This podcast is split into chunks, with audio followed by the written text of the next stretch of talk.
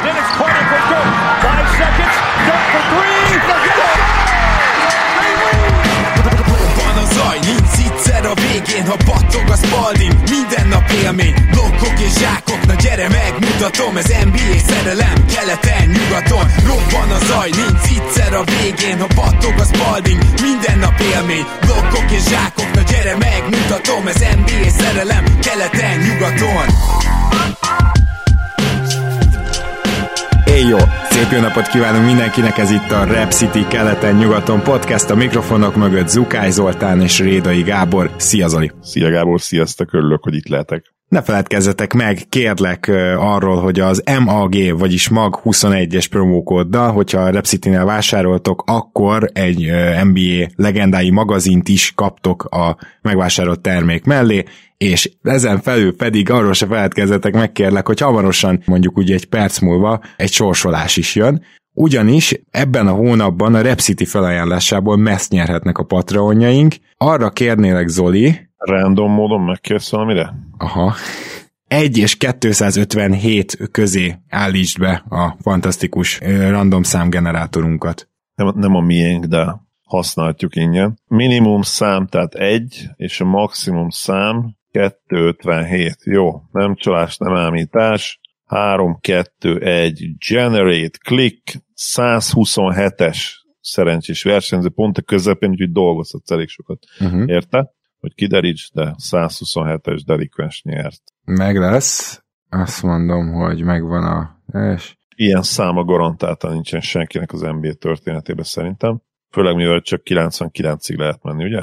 Így van, és Bedő Péter a győztesünk. Péter 2019 november 30-án csatlakozott hozzánk először, úgyhogy ez már nem ma volt. És hát nagyon szépen köszönjük Peti azt, hogy azóta is, ha jól látom, teljesen rendszeres támogatónk vagy, és most ezt azzal köszönjük meg, hogy a Rep City-nél választhatsz majd magadnak egy Michelin meszt, úgyhogy kérlek, hogy vedd fel velünk a kapcsolatot, tehát akkor Bedő Péternek még egyszer gratulálunk a győz, győzelemhez, és hogy kisorsoltuk. Péter, nagyon örülünk, köszönjük, hogy hallgatsz minket. Így, és ha említettem azt, hogy jön a playoff, na ezzel kapcsolatban szeretnénk a mai adásba kicsit megnézni azt, hogy vajon melyik gárda kit akar ellenfélnek, vagy van-e olyan, akit akar, van-e olyan, akit kevésbé akar, és szerintem kezdjünk rögtön nyugaton. Nyilván nagyon részletes elemzésekben most, mintha párharc felvezető lenne, nem megyünk bele, inkább csak megragadjuk a csapatoknak azt az egy-egy gyengességét vagy erősségét, ami mentén egy meccsap előnybe kerülhetnek, vagy meccsap hátrányba kerülhetnek. Nyilván azok a csapatok, amelyiknek van mondjuk egy ordító gyengessége, és mondjuk tegyük fel, hogy a pick and roll védekezés, vagy tegyük fel, hogy mondjuk a, az egy-egy elleni támadás. Hogyha szembe jön egy olyan csapat, amelyik ezt nagyon jól ki tudja használni, akkor az nekik egy rosszabb meccsap. Mindeközben meg, hogyha a, a, az adott csapat olyan, hogy az ő szerkezetük egy bizonyos támadásra jobban alkalmas, és azt nem tudja védeni annyira az ellenfél, mert ők meg pont arra nem alkalmasak, akkor meg rögtön egy jó meccsapról beszélhetünk, de hát ezeket majd mindjárt részletesen kifejtjük. A Utah Jazz, arra kérlek Zoli, hogy ö, kezdjünk velük, és mit, mit gondolsz, hogy a Jazz ugye gyakorlatilag mivel még lehetnek másodikak, ezért akár öt csapatról beszélhetünk, aki szembe jöhet nekik. Mit gondolsz, hogy ők kit kerülnének el legszívesebben, és kik azok, akik ellen nagyon szívesen játszanának? Nem fogok nagy okosságot mondani azzal, amikor azt mondom, hogy szerintem a Lakers mindenki szeretné elkerülni az első körben. Ez a normális default pozíció, ami, amiben egyet szoktak érteni a szurkolók, szakírók. Viszont szokott ilyenkor lenni egy, egy kisebbség, de hangos kisebbség, és talán egy jó érvel rendelkező hangos kisebbség, amely azt mondja, hogy nagyon rossz formában van a, a, a Lakers most, miért ne az első körbe akarnál velük találkozni, hogyha egy bajnok aspiráns csapat vagy, mint amilyen a Utah Jazz is, akkor az első körbe akarsz velük játszani, mert ugye Davis most megint sérüléssel bajlódik, LeBron sérüléssel bajlódik, és ugye az egész kohéziót picit meg is kérdőjelezik ugye itt az egész Herrel Schröder történettel, nem beszélve arról, hogy ugye utóbbi is sérült, miért ne most két, mennyi, három hét múlva? Talán hmm. már három hét sincs, miért nem most akarná velük játszani? Tehát én megértem ugye ezt is, de ahogy mondtam, a default pozíció az, hogy, hogy a Lakers kerül el, és a Lakers, én azt gondolom, hogy matchup szempontból sem feltétlenül jó, ugye, annak a jazznek, akinek egyértelműen nem lenne igazi elit periméter védője LeBronra. Itt azért két dolgot szerintem tegyünk ezt hozzá. Ugye a jazznek a két fő nemezise az olyan csapatok, akik tudnak switch, switching védekezést csinálni akár egytől ötig. Szerintem a Lakers, ha nagyon-nagyon rákényszerítik őket, akkor meg fogja próbálni, de úgy alapvetően nem szeretné ezt a az egytől ötig váltást. Nem véletlen, hogy a Houston Rockets ahányszor szembe jött a jazzzel, sokkal jobban megverték őket az elmúlt években, mint ahogy az reális lett volna, mert a jazznek egyszerűen nincsen ö, igazi egy az egy elleni kreátora. Tehát se Conley nem az, és Mitchell, Mitchell még csak-csak, de, de azzal nem tudsz meccset nyerni. Ez az egyik nemezisük, a másik pedig, hogyha van egy olyan center, aki kihúzza a palánk alól Rudy Gobert, és szerintem Davis nem ilyen, annak ellenére, hogy nyilván tud a tripla vonalon átsorogni, biztos vagyok benne, hogy nem szeretné a Lakers, és nem is a Jazz, hanem a Lakers, hogy ez végleg, végig így legyen. Igaz, hogy ezzel ki tudják húzni talán Gobert, de abban se vagyok biztos, hogy még egyszer megismételhető az, ami a tavalyi playoffban, amikor Davis fantasztikusan dobta a triplát. Szóval erre sem lehet építeni, ugye majd minden playoffban egyszer csak kiderül, hogy 40%-os triplázó, nem tudom, egy hat kísérlet mellett. Úgyhogy ilyen szempontból meg viszont nem olyan vé, tehát ennél rosszabb meccsapok vannak a jazznek, mint a Lakers, én azt gondolom. Lehet, hogy a LeBron csapatot el akarod kerülni, de meccsap szempontjából messze nem a Lakers nekik a legrosszabb.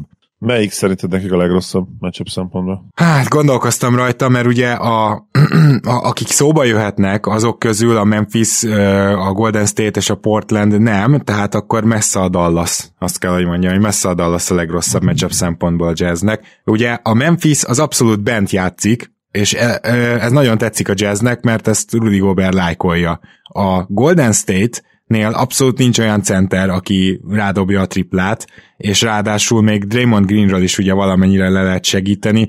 Az ő védekezésük az nagyon alkalmas szerintem a Golden State ellen, és a Golden State nem is tudja őket megfogni. A Portland szintén nem nagyon rendelkezik, hát Nurkic néha rádobja a triplát, de nincs igazán ilyen centere, ott is fölénybe kerülnének, ráadásul nem sok jó védője van a jazznek ugye periméteren, de szerintem O'Neill, Mitchell és Conley nem olyan rossz opció a kisebb emberekre, és ugye itt két kisebb embert kell fogni, Úgyhogy, úgyhogy én összességében azt mondanám, hogy a Dallas a, a rémáma a jazznek, ahol van olyan center, aki kihúzza a Rudy Gobert a palánk alól, és ráadásul a Dallas szerintem egytől négyig simán tud switchelni mindent. Érdekes ez a switchelés, mert ugye mondtad, hogy a Lakers nem szívesen és nem fog switchelni, de azért nem, mert általában nem kényszerülnek rá és ugye nagyon-nagyon jó a csapatvédekezésük, nagyon kemény a csapatvédekezésük. Érdekes, hogy mondtad a dallas mert egyébként papíron még látom is magam előtt, amit mondasz, viszont ugye most, most leszámítva a, az április elejei győzelmet, azért az utóbbi időben a jazz hát eléggé, hogy is mondjam, dominálta a Mavericks, ugye idén kettő, ráadásul ugye mondtad, tudod, hogy, hogy a, ezek a Covid duplák, hogy, hogy általában ugye a két csapat felosztja egymás közt a két meccset. Na minket mind a kétszer agyonvert a, a jazz.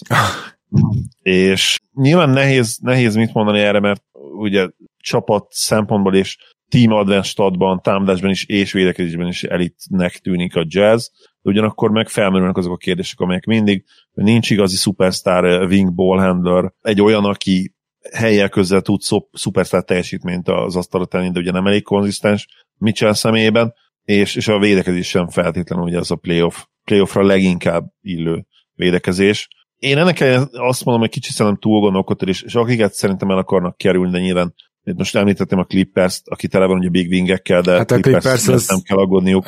De, de szerintem LeBron és, és a Lakers miatt igen, és oké, okay, rakjuk még oda a dallas bár szerintem csapat szinten van annyival jobb a Jazz, hogy azért megoldanak a, a mavericks az első körben. Hát én csak simán azt mondom, hogy kellemetlen meccsap lenne nekik, eh, hogy, hogy, hogy ennek ellenére is megoldanák-e, lehetséges, igen. Hát erre majd válaszolok akkor, hogyha esetleg ez a szituáció előfordul, de szerintem a Dallas a legrosszabb meccsap, és a Lakers a második legrosszabb ezekből a csapatokból, és az összes többire meg azt mondanám, hogy kifejezetten jó meccsap nekik. Nézzük meg akkor a Suns-t. Mit gondolsz a Sunsnál? Mi, egyáltalán mi, mi az, amire kell figyelni? És ők, hogyha választhatnának, kit választanának? Hogyha választhatnának, lehet, hogy, lehet, hogy a Memphis Grizzlies választanák, vagy nyilván a San Antonio Spurs. esetleg a Golden State Warriors, szerintem inkább őket, és talán a Portlandet és, és a Dallas-t, és megint csak mondom a Lakers mindenképpen el akarnak kerülni, ha, az én tippemre vagy kíváncsi. Ugye a Suns a pick and roll levédése ellen nem annyira hatékony, ugye erről beszéltünk a minap. Nyilván akkor a, a, a Los Angeles Lakers és a Dallas Mavericks, amelyik ugye egyből szemet szúr. Igen. Illetve hát ugye nagyon jól ájzózó csapatok is szerintem azért problémát okozhatnának. Adott esetben ugye a Portland Trailblazers ilyen, és, és lehet, hogy őket is ide említeném, hogy, őket azért talán el akarják kerülni. A, a sztár parádi miatt, amivel ugye a Blazers ki tud állni, azért az mindig egy veszélyforrás, és Polt azért borzasztóan megdolgoztatná Lillard és McCallum, ugye csak egyikükön lehetne Bridges. Nyilván, ha jön vissza Crowder, akkor meg tudod azt csinálni, hogy két nagyot kezdetsz két kicsin, nagy winget, ugye nem feltétlenül magas sem gondoltam, és akkor Paul pihenhet, mondjuk... Carmelo Anthony. Így van, Carmelo Anthony, hogyha épp Anthony van benne, egyébként meg talán még én azt gondolom, hogy, hogy Paul jó lenne Covington ellen is, mert, mert abban még ma nagyon jó Chris Paul, CP3, hogy, hogy jó helyekre odaér, és talán meg tudja oldani azt, hogy, hogy Covington ne tudja kényelmesen átvenni a labdát, tripla vonalon túl, ő pedig ugye tudjuk, hogy leütésből abszolút nem veszélyes.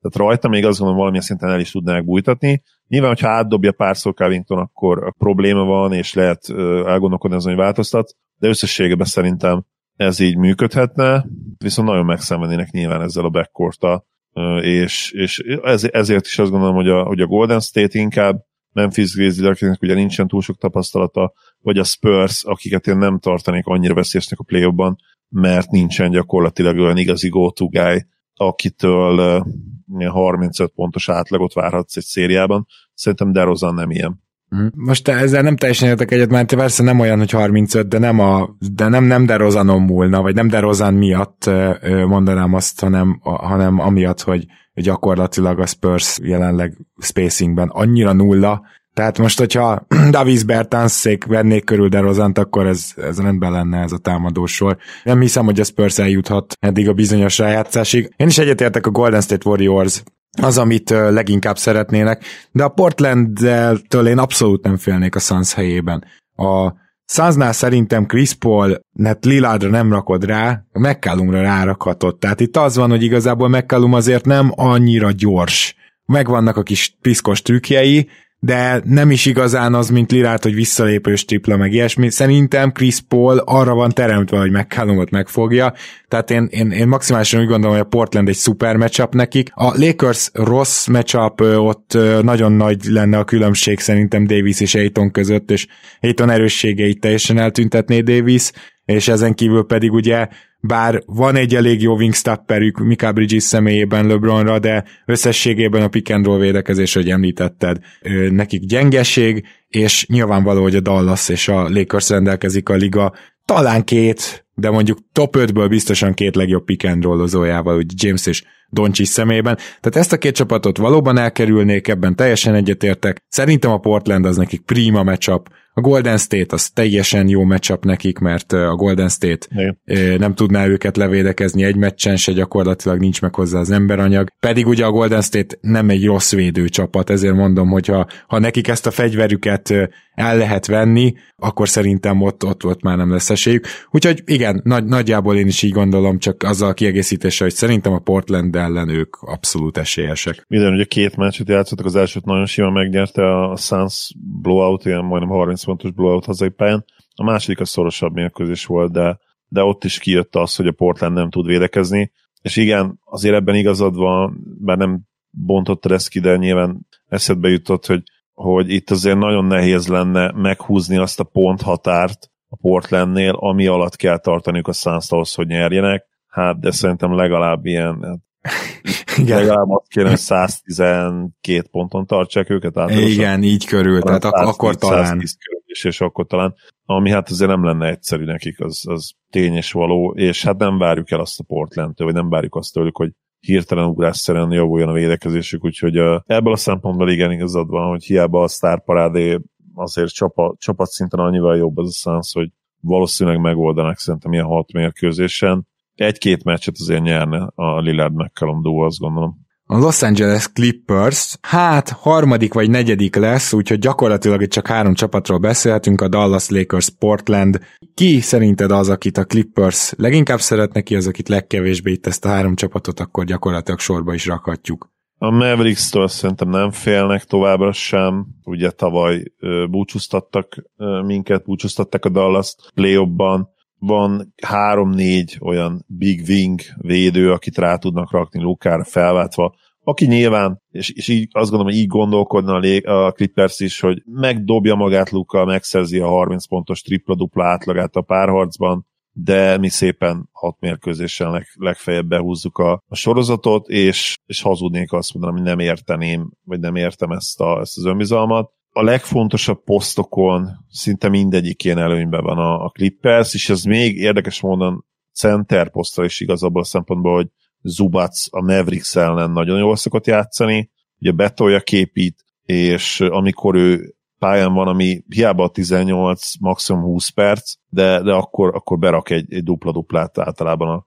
a közösbe, és így ahhoz, hogy a Mavericksnek hosszú távon legyen esélye, ahhoz tényleg egy gyenge Paul George kéne, vagy egy gyenge Kawai, amire még akár lehet is esély, mert ugye Paul George többször megmutatta, és Kawai sem olyan feltétlenül idén az alapszakos második felében, mint úgy általában. Szóval még ez össze is jöhetne, de, de azt látni, hogy képi egészséges lesz, és megszórja őket kintről, illetve kiegészítő emberek megszórják őket, mert az kellene tényleg, hogy nagyon jól triplázzunk, mert azt tudjuk, hogy a Clippers jól fog triplázni, mint a leg, mindig a legjobb, vagy második legjobb, legrosszabb esetben tripla dobó csapata. A Lakersről is beszélünk egy kicsit, ugye nagy rangadó lenne Clippers Lakers rögtön az első körben, és simán összejöhet, tehát jelen pillanatban például úgy állunk, hogy összejön inkább úgy mondom, hogy a felvétel pillanatában, mert mi ezt most pénteken rögzítjük, és ti szombaton fogjátok hallgatni, és addigra már bőven lehet, hogy nem így lesz elképesztően hát képlékeny a helyzet. A Los Angeles Lakers ellen ugye a legfőbb problémája talán a Clippersnek az, hogy Davisre elképesztő, hogy mennyire nincs emberük. Viszont ugyanígy nyilván LeBronon váltogathatják az embereket, akár tudnak switching védekezést csinálni egytől ötig. Tehát a Lakers sem kifejezetten rossz matchup ennek a Clippersnek, azt gondolom. A Portland Trailblazers sem. Tehát a, Clippers szerintem ettől a három csapattól nem azért fél, mert, mert matchup szempontból olyan megoldhatatlan problémákat jelent. Azt gondolom, hogy Anthony Davis az egyetlen, akinél úgy néznek, hogy hát igen, most hogyha rá megpróbálom beküldeni Ibakát, akkor az olyan hátrányokkal jár egyéb, egyéb szinten, hogy Ibakát pályán kell, hogy tartson mondjuk 35 percre, hogy az nem biztos, hogy megéri. Tehát akkor itt olyan megoldásokat kell majd kitalálni, amiben mondjuk egy Morris a center, és Morris fogja Davis-t például. Tudod, melyik csapat jut eszembe, amikor az a kérdés, hogy melyik gárda rossz meccsap a, a Clippersnek? Nekem csak egy jut eszembe, a Philadelphia Sixers. Uh-huh, uh-huh. 76ers az tragikus meccsap, igen, de egyébként hozzátenném, hogy én, én nem vagyok róla meggyőződve, hogy a, a Milwaukee Bucks sem, tehát értem, hogy Embiidre gondolsz, de szerintem... Nem, nem csak Embiidre, hanem ugye az elit periméter védőre, mm. ugye Tybull személyében, aki most... Vagy Simons személyében. Ugye, meg Simon személyében így van. Természetesen megcsináltad azt, hogy ő tényleg arra ragasztod rá folyamatosan végig, aki, aki a legjobb formában van, hogyha az Paul George, akkor Paul George, hogyha Kawai, akkor Kawai, és, és Simon szótólálkodik ugye a másikon, esetleg besegít róla, hogyha neki annyira nem megy jól, és akkor ugye van az Embiid történet, szerintem nekik tényleg a, six, a 76 az a, a, legrosszabb, ja, hát a legrosszabb messze, matchup. messze. Viszont nyugatról szerintem senki sem kifejezetten rossz matchup nekik, tehát e, igen. mindenki jelen van válasz. A, a még, még, még nekik talán a Suns, ami a legkevésbé fekszik, és a Portland, hogyha ilyet mondhatunk, mert Szóval, na, ha én a, a Portland, most egy kicsit a Portlandbe átmennék, én a Clippers szeretném, tudom, hogy miért, hát a Denver az most ugye elvesztette a mm, irányítóját, meg oké, okay, hát persze oké. Okay. Értem, a Denver most jelenleg gyengébb csapatnak tűnik, mint a Clippers. A, a Clippers mindent váltó védekezésének van egy olyan kellemetlen dolga, hogy ugye az egyegyező játékosokat ezért meg tudják fogni, de hogyha az a két egyegyező játékos, az két kicsi és gyors játékos, arra már nincsenek olyan jó embereik, tehát azt láttuk, hogy mind Kawai és mind Paul George sérülékeny az irányítókon, még nem, nem igazán irányítók fogására jó, már egyikőjük sem, még Paul George csak-csak, de, de ő se igazán. És ha van valami pici gyenge pontja ennek a, ennek a Clippers lehetséges playoff védekezésnek, akkor szerintem ez az, és, és ugye a Sunsban és a Portlandben van egyes, kettes poszton olyan játékos, aki ilyen szempontból azért megszivathatja őket. Ha én a Portland lennék, lehet, hogy a Clippers szeretném, akármilyen hülyén is hangzik ez.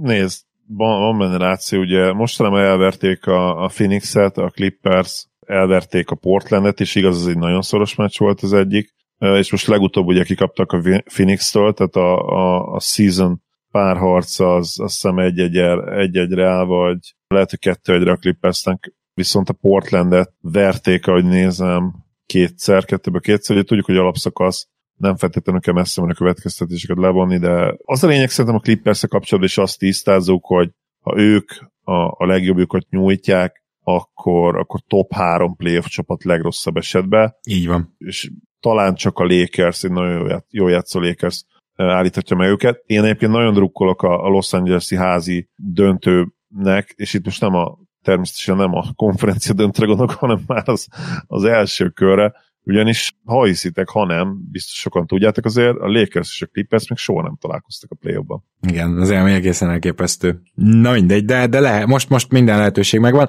Ha a Denver vagy, ugyanúgy a Dallas Lakers Portland a választék, akkor egyértelműen a Portland ellen szeretnél játszani, nem is visszavágni. Ez is benne lehet, igen, plusz talán most a védekezéssel jobban összeállt a Denvernek, mint, mint a két évvel ezelőtti volt, és emellett támadásban ugye sokkal jobbak, van egy, egy nagyon jó második számú opció, aki, hogyha egészséges marad, nincs okunk azt feltételezni, hogy, hogy nem fog jó playoffot lehozni, bár még soha nem csinálta meg, szóval azért lehet, hogy ez bátor a részemről, ugye meg kell várni, hogy hogy fog játszani, ugye Michael Porter Jr.-ra gondolok természetesen a playoffban. Azt tudjuk, hogy Jokic az egyik legjobb playoff performer gyakorlatilag nem csak a mostani mezőnyben, hanem ugye a liga történetében eddig, az első három playoff szezonját. Nézve, bizony, bizony. Nézve, és lehet, hogy kettő playoff szezon az egyébként, és nem vagyok teljesen biztos benne. Ami a halála lenne ennek a Denvernek, az egyértelműen az, hogyha Luka meg James támadná a gyűrűt. Tehát azt ráadásul pick and rollból, ott, ott minden előjönne, ami gyengeség a, a Denvernek. A Lakers nem jó matchup, és a Lakers azért nem jó matchup, mert nagyon agresszív a Lakers, és nyomást helyeznek, helyeznek a bírókra, és ezt ez pozitív értelemben mondom, tehát nem azt mondom, hogy csalnak a bírók. Szerintem azért, amit én mondtam, az, az legalább ennyire számít a meccsabban, mint az, hogy a bírókra milyen nyomást helyeznek, nem? De, de megmondom, miért fontos ez, amit mondani akarok. Na. Mert hibára kényszerítik a bírókat, és ez nagyon-nagyon látszott az előző play is, és most is, és a Lakers minden más csapatnál jobban tudja azt, hogy nem csak úgy támadják Jokicsot, hogy a gyűrűt támadod, és akkor szerzed a két pontokat, hanem ők a legintelligensebben csinálják azt, hogy kipontoztatják, oh. és falt, falt problémákba kergetik. Tehát Davis direkt úgy támadja Jokicsot, hogy faltokat harcoljon ki a meccs elején, és LeBronra ugyanez igaz, mert ha Jokic ül, az a lehető legjobb védekezés ellene. És ezt többször megfigyeltem, most is ugye ezt csinálták, és ami probléma, és mire, mire gondoltam, hogy hibára kényszerítik a bírókat, az az, hogy, hogy emellett, mivel a lékeznek most az is a reputáció, hogy kőkemény védekező csapat, többet néznek el nekik a védő oldalon. Hogyha, hogyha ez a reputáció, ugye ezt is tudjuk Aha. az NBA-ben, akkor, akkor a bírók azt úgymond megeszik, és, és ha nem is tudatosan, de, de úgy kezdenek el fújni. Margasol olyan fantasztikus példa volt erre, hogy Margasol annyira többet tudott faltolni anélkül, hogy, hogy befújták, mert egyszerűen meg, meg lett ez a reputációja, és neki azokat a kis mini utolsó pillanatos elmozdulásokat Igen. egyszerűen nem fújták be faltnak. És jó, hogy mondtad most Margasolt, mert Margasol konkrétan rommá faltolt a három-négy olyan esetben is most a, a Nuggets-ben jó kicsot a legutolsó meccsen, hogy nem jött a sípszó, és, és a másik oldalon pedig is nem faltol abból a szempontból jól, hogy ugye lemarad időnként az emberekről, és ha ő faltol, akkor nagyon látványos Aha. az a falt, és nagyon könnyen kiszúrják és, és, és emiatt ugye probléma van. Nyilván a következő csapatoknál már úgymond visszafelé elmondtuk, hogy ki kit miért választana, de azért azt gondolom, hogy foglaljuk össze ilyen szempontból is. A Dallas Mavericks szerintem elkerülni mind a Phoenix Suns-t, mind a Clippers-t. Nyilván a Dallas azt szeretné elérni, hogy minél többet tudjon bent kempelni Porzingis. A Sunsnak a, a két kicsi játékosa tud akár triplát dobni, akár betörni, akár pick and rollozni, ez nem tűnik túl jó matchupnak, a Clippers pedig ki tudja akár húzni, ugye, Kristaps Porzingis-t. A Denvert és a, és a Jazz választanám én a Dallas helyében, erről már korábban részletesen írtam, és a Dallas sikerében úgyis az lesz a kulcs, mert Doncsics szinte megállíthatatlan, hogy Porzingis lesz -e olyan formában, és tud-e az ő védekezése érvényesülni a palánk alatt, és szerintem erre a Denver és a, a Jazz ellen van még mindig a legnagyobb esélye a Dallasnak. Igen, és van egy olyan vonzata a dolognak is, hogy a Denver kérdéles abban a szempontból, hogy ki tud felnőni ugye Jokic mellé mögé. Bocs, egy másodperc. Szia Tibiken, pont podcastelünk az Olival, hamarosan visszahívlak, jó? Oké, okay, cső. Ezt lehet, hogy benne is hagyom. Na, haragudj, mert parancsolj. Van, van egy olyan vonzata is annak, hogy melyik csapatban van a legtöbb kérdőjel, olyan posztokon, olyan szerepekben, ahonnan jó teljesítmény kell tradicionálisan ahhoz, hogy mélyre menj a play mélyre juss a play És a Denver Nuggets mindenképpen ilyen, ahol, ahol vannak kérdőjelek, ugye Michael Porter Jr., aki tényleg szenzációs, és, és ugye makes it look easy, ezt minden videó elemzésben hallom róla, és tényleg így van, tehát Duranthoz hasonló az a része a játékának, hogy, hogy bármikor rá tud dobni, ki tud alakítani egy, egy nagyon jó dobóhelyzetet. És, és nem nagyon van számára olyan, hogy rossz dobás. És ez ugye a leges legjobb szkórereknek a fő ismérve, hogy nagyon könnyen tudnak kialakítani minőségi tempódobás helyzetet, tempószituációt, úgyhogy a, de, de ez lesz az első igazi playoffja nagy szerepben, ugye tavaly is játszott a playoffban, nem volt annyira rossz, de idén nagyon komoly szerep pár rá is, és gyakorlatilag le kell venni terheket. Jokic válláról, sőt, kell lennének olyan meccsek, ahol ő lesz a legjobb pontszerzője a csapatnak, 30 pont feletti teljesítmények kellenek, nem tudjuk egyszerűen benne van-e vagy sem, de azt tudjuk, hogyha ő nem hozza ezeket, akkor más nem nagyon fogja a Nuggetsből, uh-huh. nyilván Jokicson kívül. A Dallasnál ugyanez igaz, bár tudjuk azt, hogy a képi tavaly jól játszott, de nagyon limitált minta volt, ugye két vagy az három mérkőzésen. E, igen, aztán, aztán megsérült. És az ott ugye az első playoffja, kifejezetten jól játszott, de nem tudjuk ugye nála, főleg egészség szempontjából, de akár forma szempontjából is egyébként, hogy mit fog tudni nyújtani. Lukáról sejtjük, hogy nagyon jó lesz, bár nyilván egy pár harcon belül azért ő is ingadozhat. Elég streaky shooter, ugye, bár idén előrelépett, fejlődött. Viszont a kérdőjeles emberek, akiket említettem, egy Dwight Powell, egy J. Rich, akár még egy Tim Hardaway Jr. is, aki mostanában ragyogó formában van, nem tudjuk, hogy milyen százalék egy Jalen Brunson, akinek szintén kicsit hasonlóan Porterhez, ez lesz az első igazi olyan playoffja, ahol, ahol nagy szerepben lesz, mert ugye gyakorlatilag a, a hatodik emberünk, és be kell rakni a play ba 14-15 pontot is akár meccsenként a közösbe, ezért elég nagy teher. Játszik időnként ugye a kezdőkkel is, olyan line is vannak bent, ahol Lukával együtt vannak fenn, de, de nem tudjuk még, hogy hogyan fog teljesíteni ilyen kiélezett szituációban, úgyhogy a, a Mavericks és a Nuggets ebből a szempontból még egy picit fiatal, és ez logikus is, hiszen ténylegesen fiatal csapatokról beszélünk, hmm. úgyhogy még én annyit tennék hozzá, hogy a Mavericks szerintem azért akarja, vagy azért is akarja főleg ugye a Denvert meg a Jazz-t, mert hát a Jazz ellen értelemszerűen lehet dropbacket védekezni azért, és szerintem a Mavsnek a periméter védekezése az jó lehet a, a jazz ellen, sőt, még azt is megkockáztatom, hogy Carlisle a zónát is ki tud találni, és a Denverre is igaz ez, hogy szerintem a Denver ellen, például amit ugye csinálta Memphis, ezt meg is jegyezted, hogy hogy duplázták, néha Jokicsot, néha inkább a passz célpontjait duplázták, az már egyfajta zóna volt gyakorlatilag. Na erre szerintem Carlisle nagyon alkalmas. És, és ezért ezt a két csapatot választanám a helyükben, a Lakers tart-e valakitől? Nyilván leginkább attól tartanak, hogy nem jön össze ez formában, James is most megint kiül két meccset, Davis-t is pihentetni kell, nyilván ez a legfőbb, amitől tartanak, de úgy matchup szempontjából tart-e valakitől? Én, én nekem meggyőződésem, hogy a Lakers százszor inkább szeretné a Denvert és a Suns-t ellenfélnek, mint a Clippers-t és a Jazz-t. Tehát, Egy, egyetértek a, a clippers mindenképp, a jazz nem biztos, de, de az egyértelmű, hogy, hogy inkább szeretnék igen a Mavericks-et és a Nuggets-et. Mármint és, a suns és a Nuggets-et. Ja, bocsánat, igen, a Suns és, Suns és a Nuggets-et. Egyébként még akár a Mavericks ellen is játszhatnának, ugye még matematikailag az is lehetséges. Főleg, ha mind a kettő play, playingbe kerül. Igen, igen, igen, igen, valami ilyesmivel talán matematikailag megoldhatjuk, de ja. De válaszol a kérdésre, félni nem fél senkitől a, a Lakers, és nem is kell félniük senkitől, mert mert ha, ha egészségesek és megvan a kohézió, akkor valószínűleg még mindig a, a legjobb csapat, az egyértelmű, a legjobb védekezés, és hát LeBron ugye azért valószínűleg jó fújást is fog kapni a play mint mindig, és, és ez azért nagy előny Hm?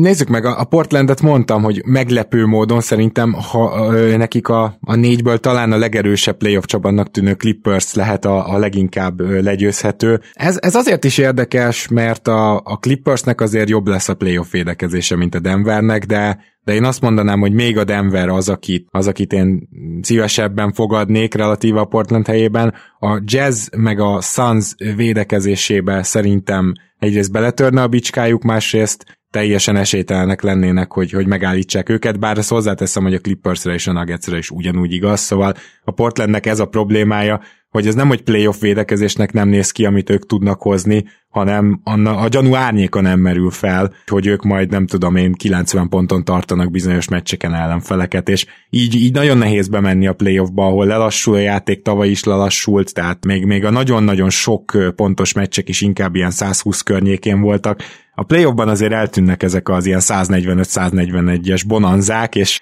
hát e, igazából ezért nehéz a Portlandre mit mondani, de mondom én meglepő módon a Clippers-t mondanám, ha már. Oké. Okay. Értem, amit mondasz, ugye nyilván az az alapfelvetésed, hogy, hogy Kawai és Paul George nem fog védekezni a, a két kicsi, mert nem fogja rárakni Lou őket azért, hogy ki heréljék magukat Igen. a védekezésben, és aztán elfáradjanak a teljes playoffra, és ezért lehet esélye ugye a, a Blazersnek adom ezt a logikát, mert nyilvánvalóan nem fogják rárakni ugye kawhi és Paul George-ot, a, ugye Lillard és McCallumra, hiszen, hiszen tényleg ez megtörténhetne.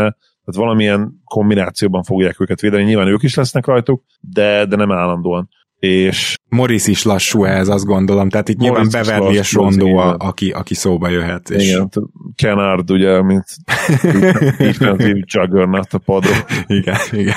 Értem, amit mondasz, ennek ellenére szerintem nagyon színvonalas, jó támadó meccseken azért könnyen tovább menne a Clippers, mert tudom, nagyon leegyszerűsített, de, de jobban meg tudnák állítani még mindig a Blazers, mint a Blazers fordítva a Clippers. Á, persze, hát ez... Ugye, csak az a baj, hogy ez a többiekkel is igaz szerintem. Tehát mind a Denverrel, mind a Sanzal, mind a Jazzal igaz. Egyetértek, igen. Talán, talán még a Denver, talán még a Denver Portlandnek, tehát hogyha ők csak, csak azért, mert van egy pozitív élmény két évvel ezelőttről, igen, tudjuk, hogy a Nuggets valószínűleg még Murray nélkül is lényegesen jobb csapat most. Gordon rá tudott dobni Lillardra, szerintem ő kifejezetten jó ember rá, és, és ezeket a step, step esetleg még a hosszával tudja zavarni, és akkor ott vagy, hogy McCallumra meg mindegy, McCallum dobjon 50 pontot, uh-huh. és akkor, akkor ez nem biztos, hogy egy rossz taktika a Nuggets részéről, de ugyanakkor meg amit mondtam, hogy, hogy ugye a kérdője faktor MPG-vel, és, és mondom a pozitív emlék, úgyhogy valószínűleg a, a Blazers a Nuggets-et választaná, hogyha lehetne választani most. A Memphis Golden State San Antonio 3 nem érzem, hogy feltétlenül végig kéne mennünk. A Memphis nagyon elfáradni látszik, ami nem csoda, mert ők játszották az elmúlt két hónapban messze a legtöbb meccset, de a Spurs se keveset játszik, és ők is ugye elfáradtak. A Golden State az most azért egy olyan rast hozott, főleg még így Steph Curry-nek a, az emberfeletti formájával, amit nem is vártunk, ugyanakkor a Golden State védekezése hiába tűrhető, nem érezzük playoff képesnek.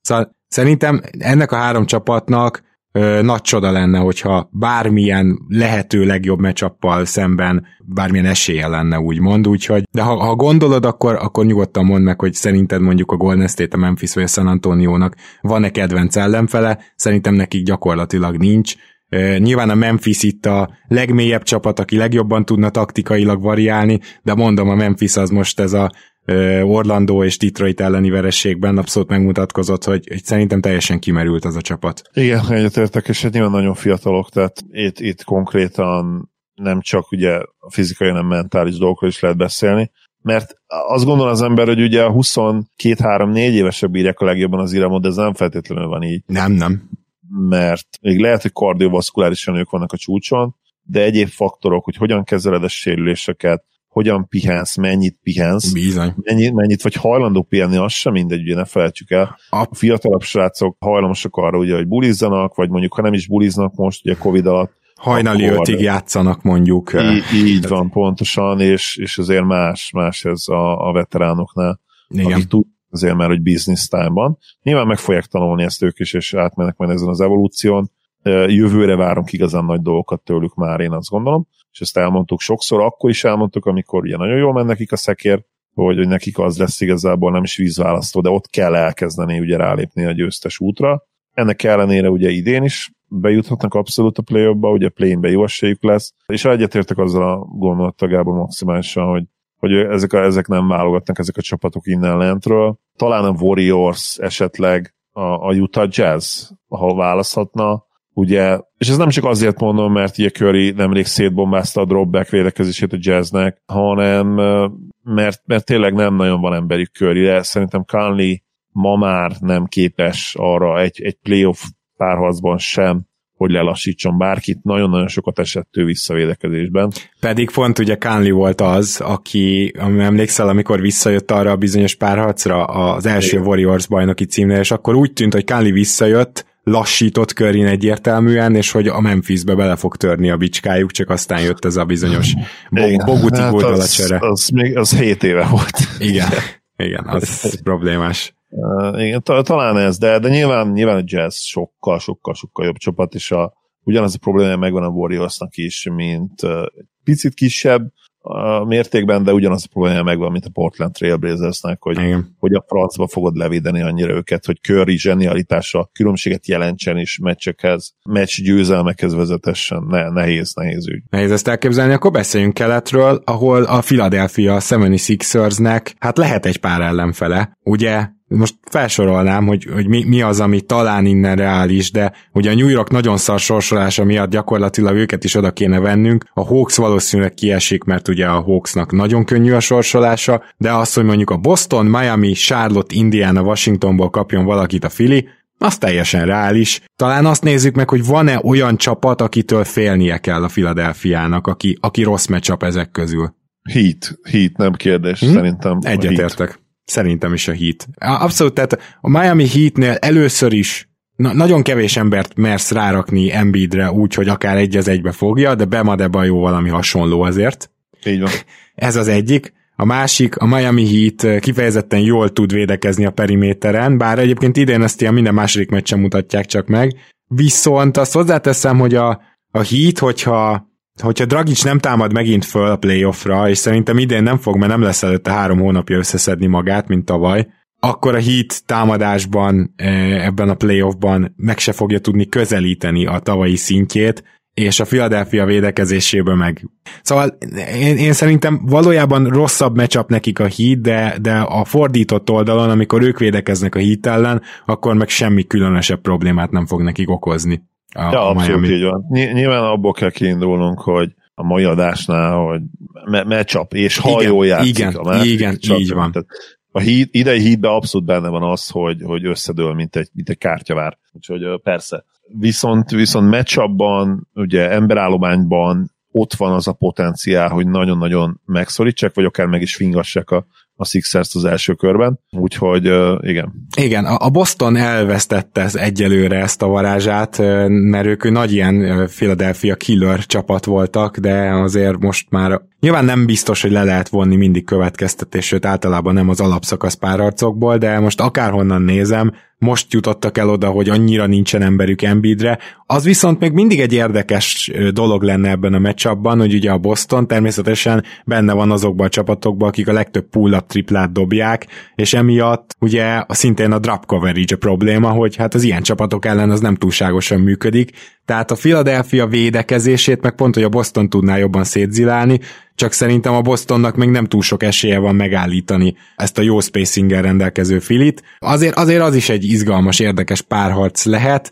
Én azt gondolom, hogy a valójában, hogyha most teljes kerettel és jól játszana az Indiana, akkor őket is megemlíteném, hogy azért talán elkerülné őket a Fili, de most jelen állapotukban tapsikolva örülnének nekik. Nézzük meg a Brooklynt, gyakorlatilag ugyanezekkel a csapatokkal. Tehát ne, nem látok különbséget. Azért mondjuk nem biztos, hogy a Brooklyn a második helyen fejezi be, tehát ők még lecsúszhatnak harmadiknak, és talán még a New York Knicks-t is megkaphatják. Szóval ennyiben, ennyiben megsóznám ezt a történetet, és azt hozzáteszem, hogy a New York azért szerintem rohadt kellemetlen playoff ellenfél lesz, tehát az erősségeik igazi playoff csapat erősségek a, a New Yorknál, és ez, ez még meglepetéseket is okozhat akár.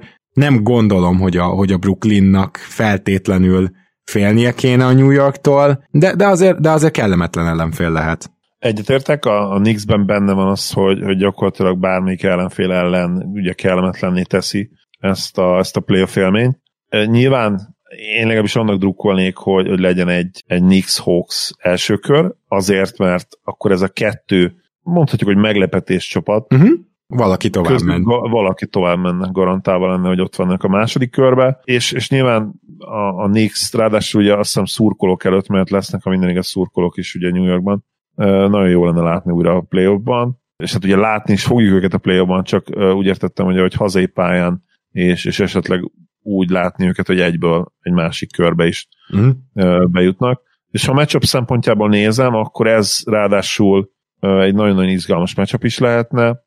Igen. Szerintem eléggé kiegyenlítettek az erőviszonyok jelen pillanatban. Nyilván a, a Hawksban sokkal nagyobb az upside, hosszú távon, de jelen pillanatban hasonló teljesítményre lehetnek képesek, én azt gondolom. Mert... Igen, meg én azt is gondolom, hogy egy picit playoff csapatabb, ha szabad így fogalmaznom a New York Knicks, mint az Atlanta igen, jelenleg. Igen, ezzel mindenképpen egyetértek.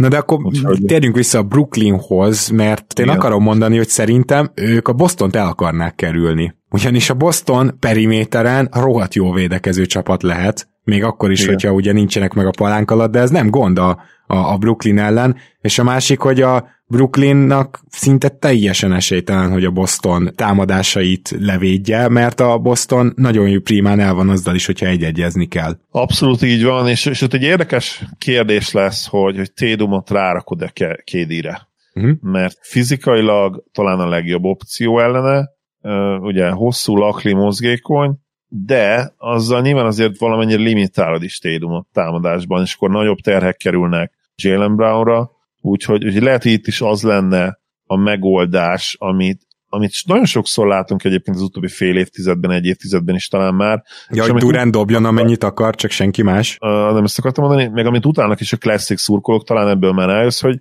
hogy a sztárok már nem nagyon fognak sztárokat. Ja, értem. És, és lehet, hogy ők is úgy oldják meg egyfajta akár ilyen barterben, hogy, hogy, hogy senki nem fog senkit, aki a másik sztára, nem, ah.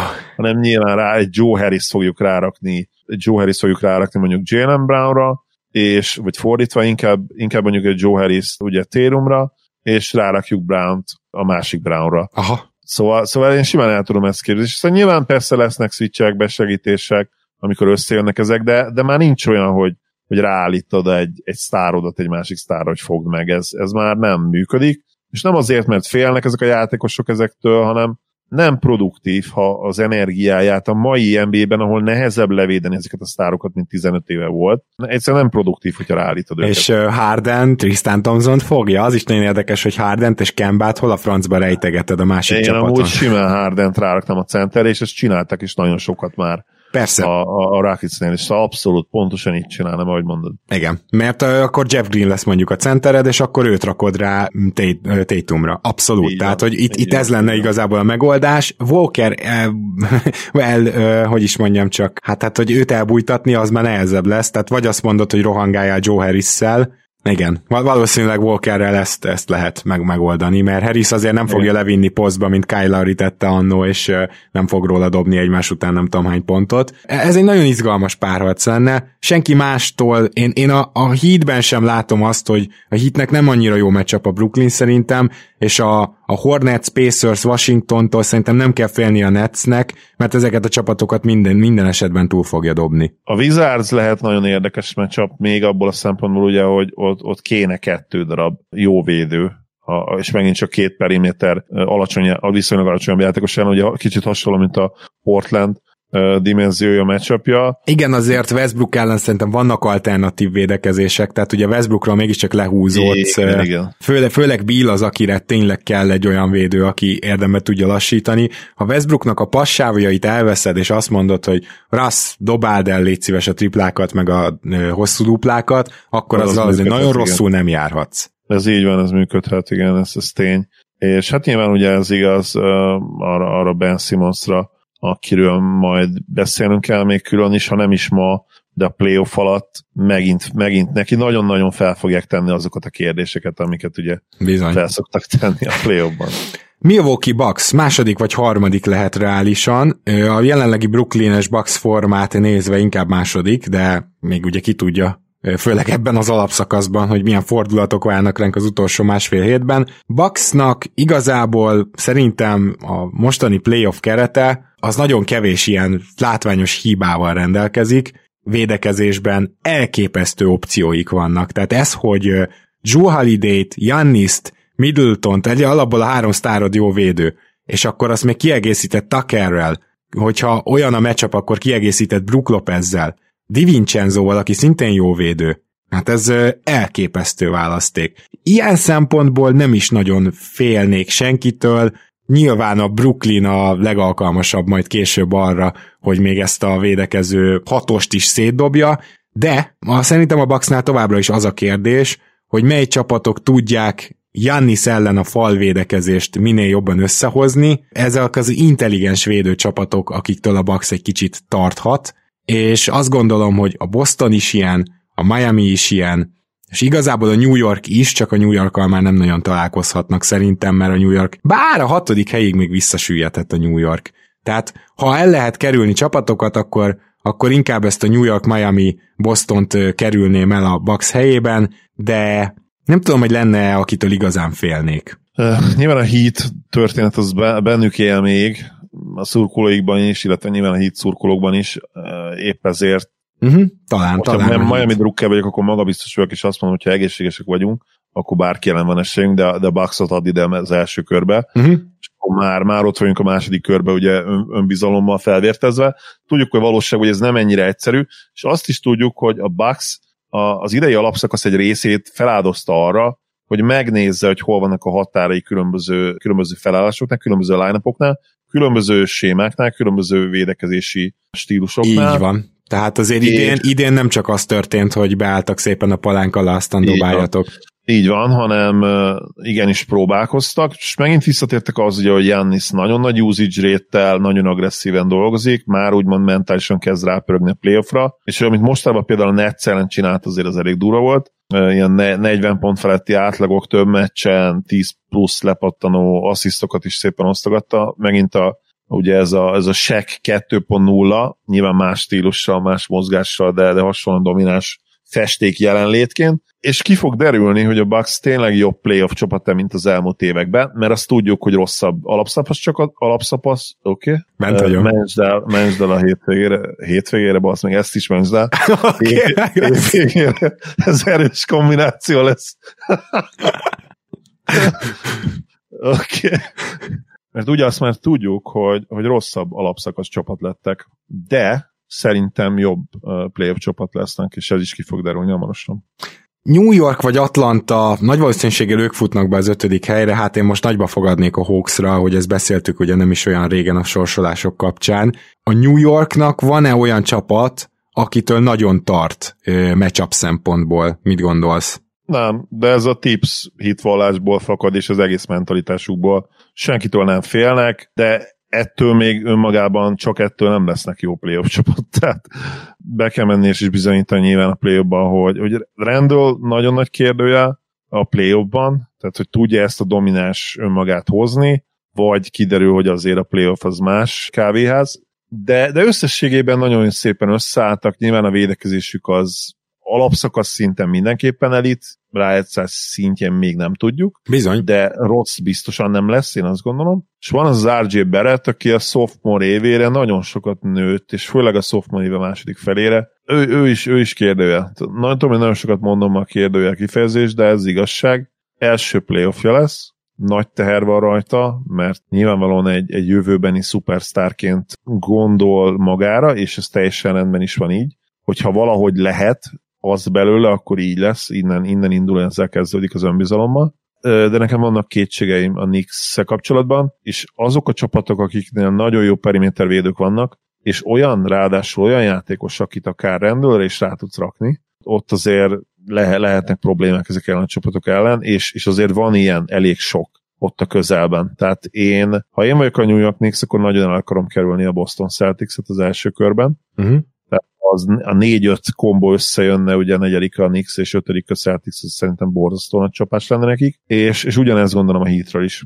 Hát én főleg a Heatről, mert a Heat egyszerűen szerintem szétdobná a periméter védekezésüket. A, az, azzal megküzdenének, hogy a Heatnek nem kell feltétlenül támadni a gyűrűt, hanem, hanem a Heat azokat az üres triplákat, amiket most ugye annyira rosszul dobnak a csapatok a New York ellen, azokat szépen bebombázná. A Bostonba ilyen szempontból nem vagyok annyira biztos, már a Boston önmagában nem generál sok üres triplát saját magának, annyi, annyi pullapot dobnak, annyi nehéz dobást vállalnak. Azért ez a bostoni támadó gépezet idén ez elképesztően akadozik, úgyhogy én elsősorban a Heat-től tartanék, és tudom, hogy nem jöhet össze az, hogy a New York és a Washington egymás ellen játszik, csak ki akartam emelni, hogy a Washington az álommecsap a New Yorknak. Gyakorlatilag amiben az ő védekezésük erős, abban, abban jó a, a Wizards, és ha el tudnod venni a Wizardsnak a, a támadás erősségét, illetve a, azt, hogy tudjanak futni, és erre a Knicks nagyon alkalmas, akkor gyakorlatilag nyert ügyed van, úgyhogy nyilván ez nem jöhet össze, csak csak az ilyen nekem ordított, hogy a New Yorknak az álom matchup igazából a Washington Wizards. Az Atlanta, hogyha felmegy a negyedik helyre, vagy marad ötödik helyen,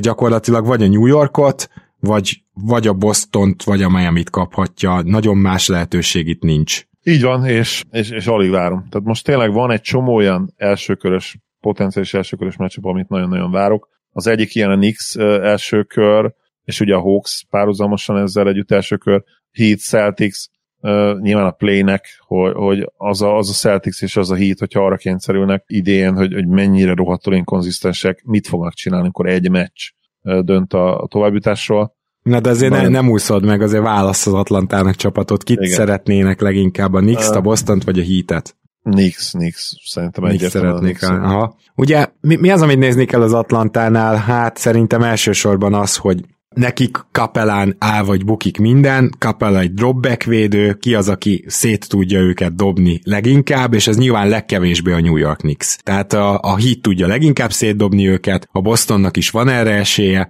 a New York azért ilyen szempontból nem egy elit triplázó csapat, mármint alapból ugye keveset is dobnak rá, tips csapatról beszélünk, tehát egyértelmű, hogy a Hawks, Hawks azt szeretné, hogy negyedik helyen befussanak a rájátszásba, és ötödik legyen a New York. És még ennek ellenére se biztos, hogy a Hawksra fogadnék, mint mondtam. De a matchup szempontból a Hawks ezt szeretné. És hát akkor most nyilván megint ott tartunk, hogy visszafelé is elmondjuk, de a Boston igazából még nagyon sok ellenfele lehet, lehet az Atlanta, lehet a New York, lehet a Milwaukee, lehet a Brooklyn, de akár ha play-inbe jutnak, és ott csak, csak a nyolcadik helyet szerzik meg, akkor a Philadelphia is.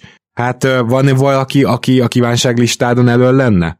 Boston helyében? Hú, Nekem egyetemen a, a, igen, a Wizards oké, okay, de nekem egyetemen a Hawks lenne ez a csapat. De a Wizardsot úgy mondott, hogy a Boston még felmegy a... Meddig? Nyilván, persze. Igen, igen. Jó, okay. Ha már muszáj play játszani, akkor. Igen. A Hawks-szal egyetértek, igen, nyilván playoff tapasztalat, matchupok is ugye, Collinsra rá tudod lakni, rakni azért Time Lordot, az nem annyira rossz történet szerintem. Kapelán meg, hát Kapelát azt megpróbáld valahogy csapatvédekezéssel, vagy lehet, hogy 6, 6 per 6 lesz a mezőnyből, de akkor lezárod a festéket, és, és egyébként akkor limitálod nyilván Youngot és, és Bogit. A nagy hármasból Nekem egyértelműen a Brooklyn. Tehát én a Philly-től és a Bucks-tól jobban tartanék a Boston szempontjából matchup szempontok alapján, mint a, mint a Brooklyn-tól. Azért ez egy érdekes felvetés. Lehet, hogy matchup szempontjából igazad van. Ugye de erről beszéltünk is, azt hiszem, nem most? A... Hát igen, ugye fordítva mondtuk, hogy hát a Brooklynnak, Brooklynnak nem ártan elkerülni a Bostont, mert ahol a Boston gyenge a palánk alatt, azt pont nem tudják annyira kihasználni. Igen, viszont ugye a Netsnél felvetődik az a kérdés, hogy ugye too, too, too good, tehát hogy túl jók, uh-huh. túl tehetségesek, és, és ennek ellenére ugye túl, nem ennek ellenére, nem pont emiatt ugye túldobnak mindenkit. De nem tudom, a Nets nyilvánvalóan a, a top csapatok közül azért a legnagyobb kérdőjel, ebben egyetértünk. Igen, igen. A, a legnagyobb boomer bust csapat, igaz? Így van, így van. Igen.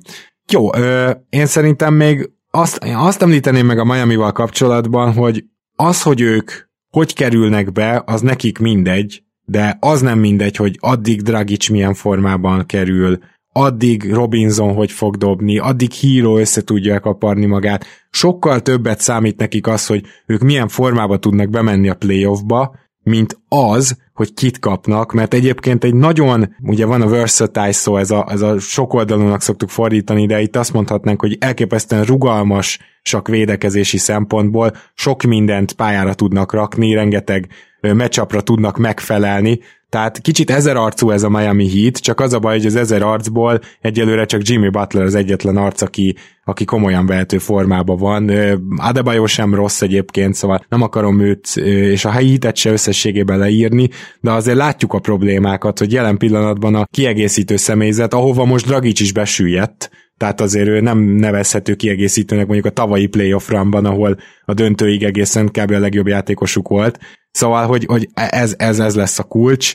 Mégis azt gondolom, hogy a Miami minden olyan csapat ellen szívesebben játszik, aki a gyűrűt védi, és aki, aki ellen tudnak, tudnak rendesen dobálni, tehát a Miami-nak egyértelműen a Milwaukee, a New York, hát mondjuk ilyen szempontból a Brooklyn sem olyan vészes, mert ők meg sehol nem védekeznek, de ja, szóval szerintem konkrétan a Philadelphiával nem szeretne a Miami Heat játszani. Am- amúgy nem érzek ilyen hatalmas meccsap hátrányokat náluk, ez, ez, a, ez a belső forma lesz a kulcskérdés. Az meg totál kérdője, ugye Igen. náluk is. De, de ez az egész azonból is fakad nyilván, tehát a, ne legyünk azért szörösszívűek senkivel szemben se. A Covid azért itt brutálisan átírta a formákat, a formaidőzítést, a formák ingadozását, meg úgymond felnyomta teljes mértékben. Tehát a, ami, ami ilyen görbék lettek volna egy normál alapszakaszban is, mert ugye ott is vannak, azokat, azokat így feltolta uh-huh. teljes amplitudóra, hogyha ez egy létező szó, szia Szemi. Max, max, inkább maximum amplitudóra. Mikor is kezdődik a playoff? Szerintem ez az utolsó kérdésünk. Május 20-a környékén? Úgy körül, igen.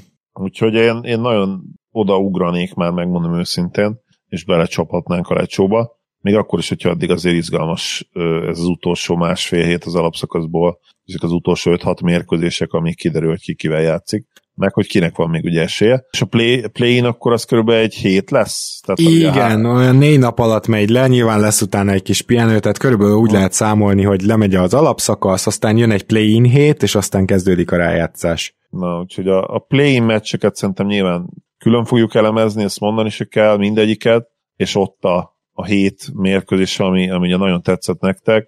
Köszönjük a pozitív visszajelzést, gyakorlatilag elsőprő, nem, nem ugye elsőprő többségben csak pozitív jött konkrétan, egyetlen egy negatív üzenet se jött ugye a, a pár tucatból. Ott nyilván, nyilván a play meccseket fogjuk elemezni, akár mindegyiket így külön, vagy akár ott egybe, hogyha akkor lesz kettő, két napon belül, akkor úgy azokat és én magam részéről nagyon-nagyon várom már. Én is. Nagyon gyorsan két megjegyzést szeretnék még itt a kelet végével kapcsolatban. Az egyik, hogy nagyon érdekes, hogy a Hornets az egyik olyan csapat az NBA-ben, aki pályára tud küldeni olyan line aki egytől ötig mindent el tud váltani, és mégsem érzem azt, hogy ezzel különösen megfoghatnák valamelyik keleti riválisukat, mert ez ugye a pick and roll heavy csapatok ellen működik nagyon, és pont, pont nem pick and roll heavy csapatok vannak most az elején. És a másik megjegyzésem pedig, hogy a Washington az nagyon jó alapszakasz csapatnak tűnik, el nem tudom képzelni, még ha be is jutnak valahogy a playoff playoffba, tehát a legjobb nyolcba, el nem tudom képzelni, hogy amikor visszaesik a tempó, hogy ők ugyanezt a rohanást tudják folytatni, az nem, nem tudom elképzelni, és ezért, ezért nem annyira playoff képesnek ítélem meg egyelőre a Wizardsot. De ennyit akartam még hozzátenni, és igen, ahogy Zoli mondta, play fogunk elemezni, lassan elbúcsúzunk a biztos kiesőktől, tehát itt azért a Raptors meg a Chicago Bulls is hamarosan bekerül ebbe a zónába, és akkor Orlando Magic, Cleveland, Detroit, nyugaton pedig Hát a pelicans majd még meg kell várni, de egyébként a szinte biztos kieső közé tartozik már a Sacramento, Oklahoma, Minnesota, Houston, ők már most nem juthatnak play-inbe se, úgyhogy szerintem a következő adásban már, már búcsúzkodunk, hogy ezt ne egybe kelljen a playoff felkészüléssel, és nem mindent ne, ne hét podcastet kelljen mondjuk nyolc nap alatt letolnunk. Azért ebből is látszik, hogy lesz bőven témánk a következő hetekben. Lehet Zoli, hogy anélkül is megcsináljuk a három podcastet, hogy még, még egy meccset elemezzünk a jövő héten. Legyen úgy. Örülök, hogy itt lettem. Szia Gábor, sziasztok! Kedves hallgatók, éppen ezért tartsatok velünk. Mi is nagyon várjuk már a playoffot, és készülünk is, hogy minél több infóval ellássunk titeket, minél több elemzéssel, és minél több jóslással, aminek a fele be se jön. Úgyhogy mindent megteszünk annak érdekében, hogy egy ilyen igazi podcast maraton várjon titeket a következő 3-4 hétben. Addig is minden jót kívánunk. Sziasztok!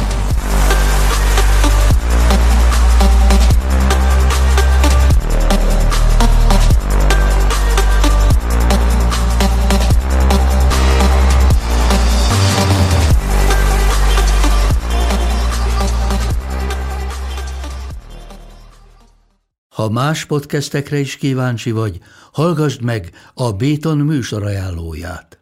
El tudod képzelni, hogy a podcastet, amit éppen most hallgattál, fél év múlva már a mesterséges intelligencia generálja? Mi sem. De ha érdekel, eljött már a gépek lázadása. Hallgass bele az Embertelen podcastbe. Orsós Lajos vagyok, a műsor házigazdája. Egyelőre még élőben. Egyelőre. Fedezzük fel együtt, hogyan ismerkedik, randizik, mesél és vitatkozik Betty és Péter, két teljesen mesterséges intelligencia. Lajos, a podcast címét mond még egyszer, Léci. Oké. Okay. Embertelen podcast. Ez a műsor a Béton közösség tagja.